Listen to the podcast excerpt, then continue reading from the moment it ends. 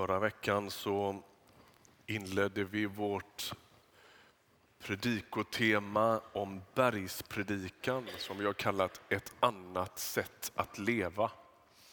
Och Emanuel predikade. Om du har missat den predikan tycker jag absolut att du ska gå hem och lyssna på den. Fantastisk inledning på den här serien. Idag ska vi fortsätta. Tanken är alltså att vi ska Bergspredikan återfinns i Matteus kapitel 5, 6 och 7. Och planen under den här serien är att vi faktiskt ska läsa och liksom utgå från hela bergspredikan. Det innebär ju att vi biter över ganska stora textstycken varje vecka. Och jag skulle vilja läsa tillsammans med er ifrån Matteus 5 och från vers 17 och framåt. Den här texten kommer inte på väggen, men har du en bibel i närheten får du gärna följa med i den. Tro inte att jag har kommit för att upphäva lagen eller profeterna. Jag har inte kommit för att upphäva utan för att uppfylla. Sannerligen, innan himlen och jorden förgår ska inte en enda bokstav, inte minsta prick i lagen förgå. Inte förrän allt har skett. Den som upphäver ett enda av buden, om så det allra minsta, och undervisar människorna så, han ska räknas som den minste i himmelriket. Men den som handlar och undervisar efter dem ska räknas som stor i himmelriket. Jag säger er att om inte är rättfärdigt överträffar de skriftlärdas och fariseernas, så kommer ni inte in i himmelriket.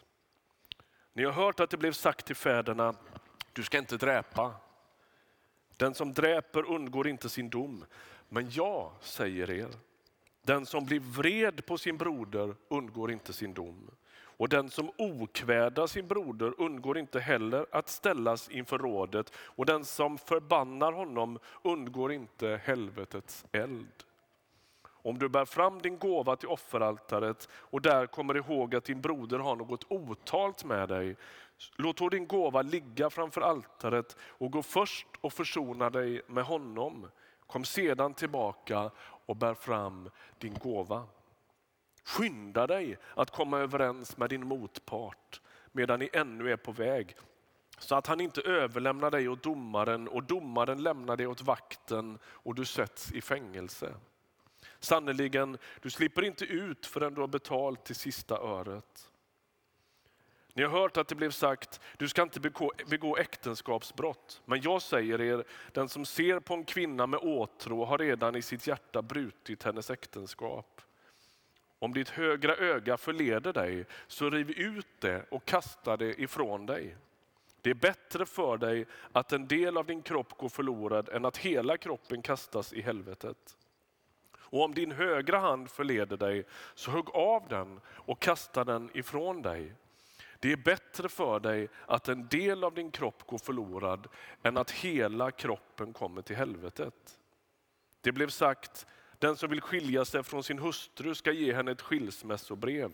Men jag säger er, den som skiljer sig från sin hustru av något annat skäl än otukt, han blir orsak till att äktenskapet kan brytas genom henne och den som gifter sig med en frånskild kvinna bryter hennes äktenskap.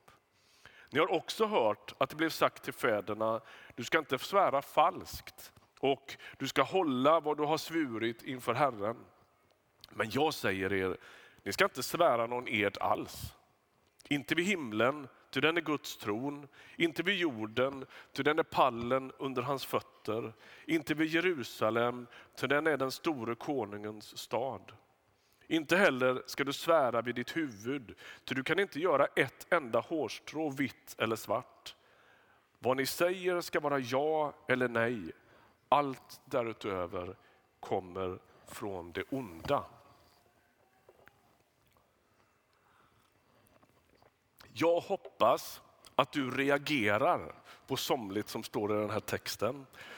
Annars är jag inte säker på att du har lyssnat och läst särdeles noga. Det här är ju ganska omskakande läsning, eller hur? Kom ihåg att det är Jesus som säger det här och att det är hämtat ur den älskade bergspredikan. När människor säger att ah, jag är inte särdeles förtjust i Bibeln men bergspredikan gillar jag. Då brukar jag småle lite och så brukar jag tänka till exempel på det vi just har läst nu och tänka undra om de vet vad de säger. Det är ganska svårsmält och det är ganska omskakande. Låt oss närma oss den här texten nu då, som ju är Jesu undervisning. Först vill jag säga så här då. Gamla testamentet, låt oss få liksom säga det som alla tänker. Gamla testamentet, han talar om lagen inledningsvis här va? Gamla testamentet är en väldigt blandad läsupplevelse. Låt oss vara ärliga med det. I Gamla testamentet finner vi herdesalmen, psalm 23, ni vet om Herren är min herde, mig skall inget fattas. Men vi finner också krigsscener och ganska mycket svårsmält text. Det är tröst och det är andligt liv blandat med övergrepp och maktstrider. Och Samtidigt är det så att Gamla testamentet är Jesu bibel. Han lever och han andas de gammaltestamentliga texterna. Det är de han är uppväxt med. Det här är hans bibel. Ni vet vad som händer. Vi har ju väldigt lite koll på vad som händer under Jesu barndom. Vi vet om vad som händer runt hans födelse och så har vi en scen till och det är när han är 12 år och talar med de skriftlärda i templet. Och Det står att han svarar dem på frågor om de gammaltestamentliga texterna. Alltså det här sitter i kroppen på honom.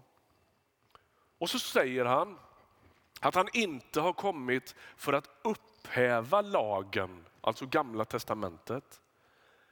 Men han har inte heller kommit för att säga exakt samma sak som profeterna i gamla testamentet. Det är inte så att han bara friserar upp gamla testamentet och liksom paketerar om det lite. Det som profeterna Mose och diktarna har uttryckt i gamla testamentet blir inte upphävt, men det blir inte heller kopierat, utan det blir fullbordat. Hela gamla testamentet handlar om Jesus Kristus. Det här är så uppenbart i nya, i nya testamentet sen, när Paulus, som ju också är uppväxt med GT-texterna och kan dem. Han är en, uppväxt som en judisk pojke och dessutom tränad som skriftlärd i de vassaste bibelskolorna och teologiskolorna. Och när han får syn på Jesus och möter honom och blir en kristen, då läser han ju om hela gamla testamentet med en helt ny lins och inser att alltihopa handlar om Jesus. I mötet på påskdagens kväll så möter ju Jesus de två vandrarna på väg till Emmaus. Och då står det så här. Med början hos Mose och alla profeterna förklarade Jesus för dem vad som står om honom överallt i skrifterna. Från Lukas 24 är det. Han slår alltså inte in en kil mellan gamla testamentet och nya testamentet, utan han binder ihop de här texterna och han binder ihop de här världarna. Han fullbordar löftena, han fullbordar lagen, han fullbordar gamla testamentet i sin egen person. Hur gör han det? Vad betyder det ens? Ja, dels gör han det genom att lyda lagen på ett mer djupgående sätt än någon annan människa har lyckats göra. Alltså, Gud ger lagen till människan i gamla testamentet och lagen eh, blir ouppnåelig för människan. Människan lyckas inte hålla den. Men när Jesus kommer så lyder han den på ett sätt som ingen har gjort förut. Men han är också den som är med och dyrkar upp den och tolkar den för oss. Det är det här lagen handlar om, berättar Jesus.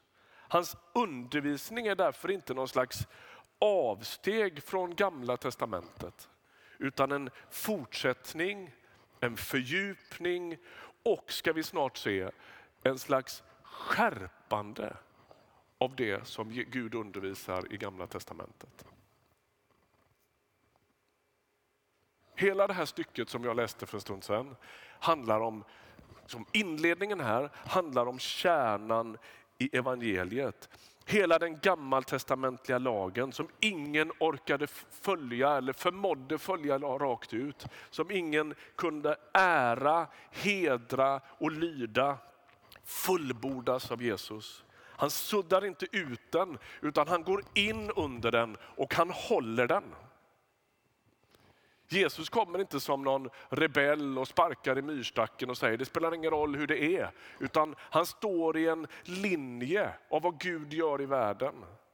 Och så går han in under det regelsystem, under den lag, under den uppenbarelse som råder i gamla testamentet och så fullbordar han den. Han, han lyder den. Han liksom sätter punkt för den på ett sätt. Så fullbordas den gammaltestamentliga lagen. Den raderas inte ut, den fullbordas. Och så följer Jesu undervisning i dagens text ett väldigt tydligt mönster i Nya Testamentet. Först beskrivs vad Gud har gjort i Jesus Kristus och sen kommer liksom vår respons på det. Förhållningsregler för vad vi ska göra och hur vi ska leva. Någon slags gensvar från människan på att Gud redan har fullbordat allt. Det är, det är Guds godhet, frälsningen i Jesus Kristus som vi har i ryggen när vi går in i de här ganska kärva texterna. Hör du hur det börjar där? Gud har i Jesus Kristus redan fullbordat lagen. Du står tillsammans med honom i fullständig, vi kommer tillbaka till det strax, men i fullständig rättfärdighet. Vi får del av hans rättfärdighet. Du kan sänka axlarna. Budskapet idag är inte att du ska spänna bågen lite hårdare. Vi har Guds godhet i ryggen. Och enda möjligheten att närma sig de här uppmaningarna som vi ska titta lite grann på nu, det är att göra det på det sättet. Gud har redan ösat, öds, liksom öst sin godhet över dig och mig i Jesus Kristus. Och det är med det i ryggen som vi kan titta på de här grejerna. Att vara Jesu lärjunge är att tacksamt lyda den lag som redan fullbordats. Det är nog förmodligen den meningen du ska notera idag.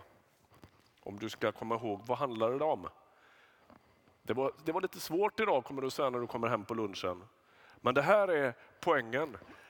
Att vara Jesu lärjunge är att tacksamt lyda den lag som redan fullbordats. Jag tycker det är fint uttryckt. Jag har inte kommit på det själv. Därför kan jag säga det. Sen blir det åka av. Vad betyder vers 20? Om inte er rättfärdighet överträffar de skriftlärdas och fariseernas så kommer ni inte in i himmelriket. Kritiken mot de skriftlärda och fariseerna, som ju, Jesus är ju super superkritisk och väldigt, väldigt konfrontativ i mötet med dem. Och det han säger då, det är att de är hycklare.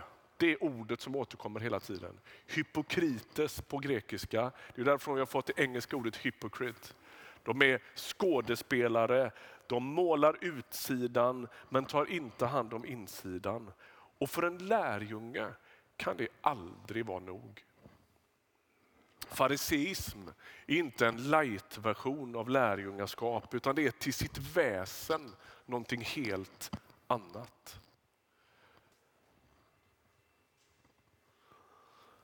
Som många av er vet har vi en liten cockerspaniel hemma, Eddie. Och han är på det stora hela en ganska lydig hund. Det finns luckor men vi kan leva med dem. En av de saker som är regeln hemma hos oss det är att man under inga omständigheter får hoppa upp i vår säng. Han får inte det alltså. Ehm, och Det gör han inte. Han skulle inte komma på tanken att göra det när vi är hemma. Och så händer det någon gång ibland när vi kommer hem att han inte ligger på den självklara platsen precis innanför dörren och väntar på att vi ska komma. Och då vet vi, okej, okay, okej. Okay. Så smyger vi upp för trappan och så sover han superdjupt mitt i vår säng. Och det går inte att bli arg på det. Det, det bara ser så vilsamt ut. Vad är hans problem? Han är dresserad, men han är inte förvandlad. Han längtar fortfarande efter allt det där som han inte får. Han har lärt sig att lyda, men är fortfarande samma hund med samma dragning till det han inte får. En del av er har hört den här storyn om barn, det är också dubbelsängen, barnet som hoppar i sängen och pappa kommer in och säger du får inte hoppa i sängen. Och barnet gör det igen och så till sist så får, får man still på den här ungen och så ser hon jättelycklig ut. Bara, Varför ser du så glad ut? Jo, därför att inne i mitt huvud hoppar jag fortfarande.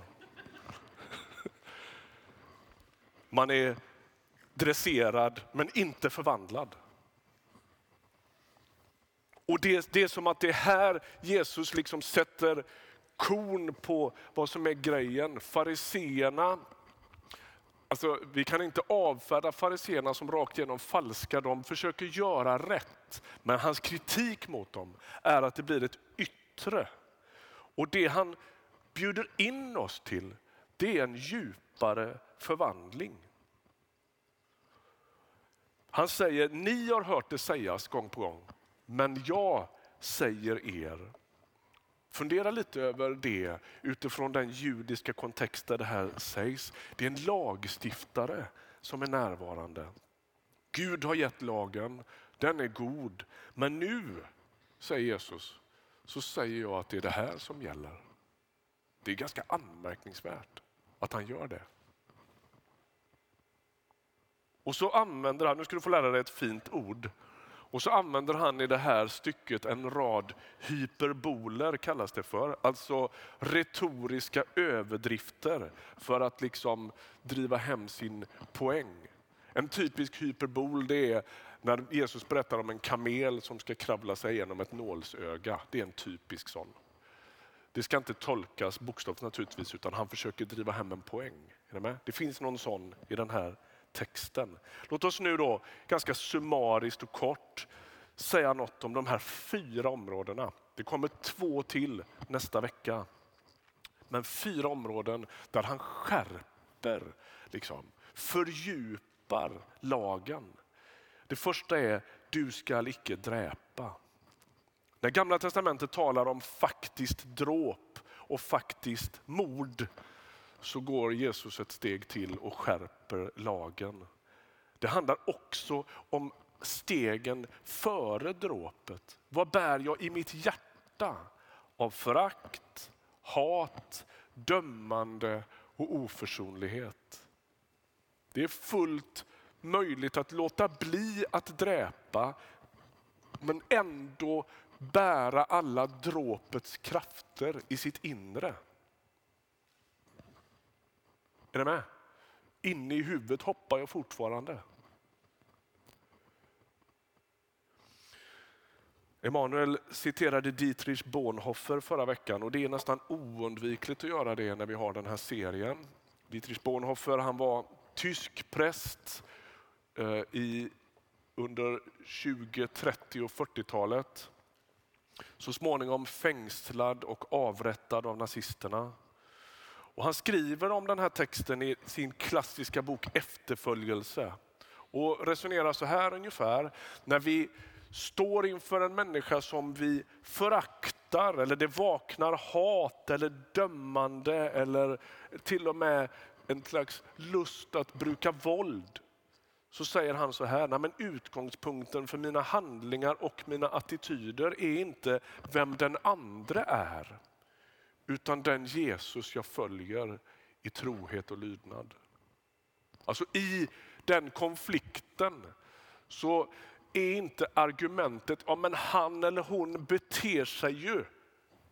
Ja, men drivkraften som Jesus verkar försöka få oss att se här har att göra med vem är det jag följer och vad får det för konsekvenser för vad som sker i mitt hjärta. Det andra han talar om här är att inte begå äktenskapsbrott. Och det är lite samma sak här. Va? Att aldrig bedra sin fru eller sin man är naturligtvis en god och självklar sak för en lärjunge. Men det finns djup i vårt inre som också behöver förvandlas oavsett om det här någonsin kommer att leda till handling eller inte. Vad har vi matat för krafter i själen som gör att lusten blir något jag inte kan tämja längre? Och här har vi en typisk sån här hyperbol när han talar om att riva ut ögat och hugga av handen. Inte ens de mest bokstavstroende kristna brukar läsa en sån här text bokstavligt. Jag känner ingen som har huggit av sin hand efter att ha läst den här texten. Men det blir en bild på att radikalt stänga det som förleder. Vad är det som göder liksom, äktenskapsbrottet i mitt hjärta? Vad är det som får lusten, som i sig själv är en god sak, att löpa amok? Vad har du för relation till nätet? Hur nyttjar du din telefon? Har du korsat en linje som har med pornografi att göra och som du inte längre kan hantera? Eller det är ohanterligt att korsa den. Eller filmer och böcker fullproppade med sex eller ouppnåelig romantik som faktiskt skadar en ganska vardaglig kärleksrelation. Vad är det du skulle behöva hugga av? På vilket sätt behöver ögat rivas ut och handen huggas av för att du ska stänga de krafter som löper amok i din själ. Hör vad jag inte säger. Jag tror inte Jesus predikar sexualfientlighet, jag är övertygad om det. Men vem håller vi på att bli? Och här går liksom rättfärdigheten djupare än bara, eller bara, men den stannar inte vid vad gör jag? Utan vad rör sig i min själ? Finns det skäl att ta drastiska beslut för att kunna följa Jesus tydligare? Några ord om skilsmässan. I en patriarkal kultur så var kvinnor särskilt utsatta naturligtvis. Och det utvecklades i det judiska samhället listor på skäl för skilsmässa. Och det var naturligtvis mannen som tog ut den. Det lär vara så, menar bibelforskarna, att i de mest extrema fallen så tog maken ut skilsmässa för att frun hade bränt vid maten. Och när Jesus sätter upp den här, när han skärper lagens bud så är det för att skydda den svagare. Det är en stor fråga det här med när relationer går sönder. Den ska vi vara väldigt eh, vi ska vara varsamma med varandra. Ibland finns det ingen väg framåt. Jag har respekt för det.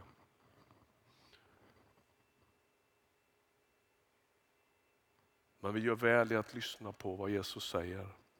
Han håller relationen och löftet högt. Det sista, du ska icke svära falskt. I ivern att förstärka svor man vid templet, vid Jerusalem och lite allt möjligt. Och Jesu väg ut ur de här labyrinterna av halvsanningar, den är glasklar. Låt ditt ja vara ja och låt ditt nej vara nej. Vi svär eder för att liksom betona att någonting är sant, men det får på ett plan motsatt effekt. Va? Därför att i om jag får citera Bonhoeffer igen så säger han i användandet av eder och försäkran bor lögnen. Alltså om jag känner ett behov av att förstärka, det här menar jag verkligen, så betyder ju det att det gör jag inte alltid. Låt ditt ja vara ja och ditt nej vara nej. Slutligen nu då, vad är dagens poäng? Jesus inleder med att säga att han uppfyller lagen. Och Sen säger Nya Testamentet att vi är i Kristus och vi får del av den uppfyllelsen. Vi får del av den djupa lydnaden. Men att vara i Kristus, att leva det nya livet, det är att följa Jesus. Att vara i Kristus är inte en teoretisk abstraktion. Utan att vara i Kristus det är att följa honom. Att börja imitera honom, att faktiskt lyda honom i andens kraft. Han kallar oss till omvändelse, han kallar oss till ett nytt sätt att leva. Och i den kallelsen är det otänkbart att liksom bli som de skriftlärda och fariseerna som bara tvättar utsidan av bägaren men inte gör rent insidan. Vi inbjuds till en djup djupare rättfärdighet. Jesus har blivit vår rättfärdighet, säger Paulus. Vi är inte dresserade, vi är förvandlade eller åtminstone på väg. Vi får en rättfärdighet till skänks. Men kallelsen är att också leva i den. Att följa honom, att påminna om honom. Låt mig avsluta med att bläddra ett blad där Jesus i inledningen av bergspredikan säger så här. Saliga de som hungrar och törstar efter rättfärdigheten. De ska bli mättade. Det är en gåva Rättfärdighet handlar inte om att spänna sina religiösa muskler. Vi lever i Jesus. Han har blivit vår rättfärdighet. Men varje gåva förpliktigar. Här börjar det nya livet. Det djupare livet med Jesus som inte bara handlar om att byta beteenden utan som handlar om ett hjärtbyte. Jag börjar längta efter nya saker. Vem håller jag på att bli? Kanske det är läge att dra sig så nära honom att man får syn både på honom och på sig själv i avslutningen av den här gudstjänsten. Ska vi be tillsammans?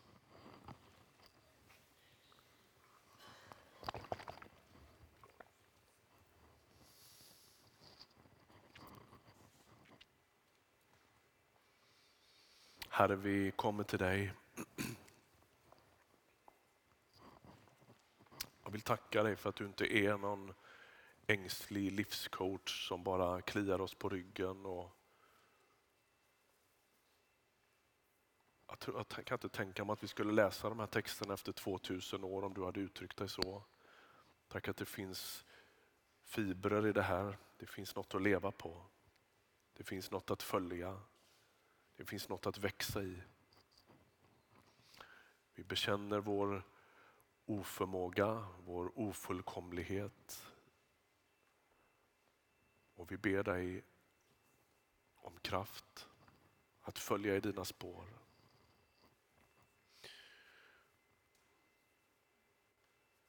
Tack för mina vänner som är i kyrkan idag. Tack för alla som följer den här gudstjänsten på annat sätt. Herre, vi kommer till dig nu. Tack för löftet att om vi hungrar och törstar efter rättfärdighet så ska du mätta det. Kom och möt oss. Hjälp oss att leva i spänningen mellan den oförtjänta gåvan som också förpliktigar. Tack att vi får sänka våra axlar du har ställt oss i nåden, friden, kärleken. Inget kan läggas till. Men hjälp oss att leva så. Amen. Ska vi inbjuda dig till våra böneplatser. Du är varmt välkommen att söka upp någon av dem. Det går att be för våran värld vid jordgloben som finns här nere. Det går att söka personlig förbön i vårt förbönsrum som är på min högra sida här nere. Där våra förebedjare möter dig och ber en bön för dig. Det går att dra sig fram till mattan och korset här och stå i bön och längtan. Uttrycka eller inte uttrycka, du väljer ditt sätt. Det går att tända ett ljus i vår ljusbärare och be om ljus in i en alldeles särskild situation. Det går att gå till vår glasurna här och skriva ett namn på någon människa som du önskar ska möta Jesus och komma till tro. Du väljer vilket sätt. Men jag vill inbjuda dig att komma, söka Jesus, be om kraft, be om ljus, be om liv, be om rättfärdighet. Varmt välkommen. Vi öppnar våra böneplatser, vi sjunger och vi ber. Ska vi börja stående? Och så sätter du dig när du vill. Välkommen till böneplatserna.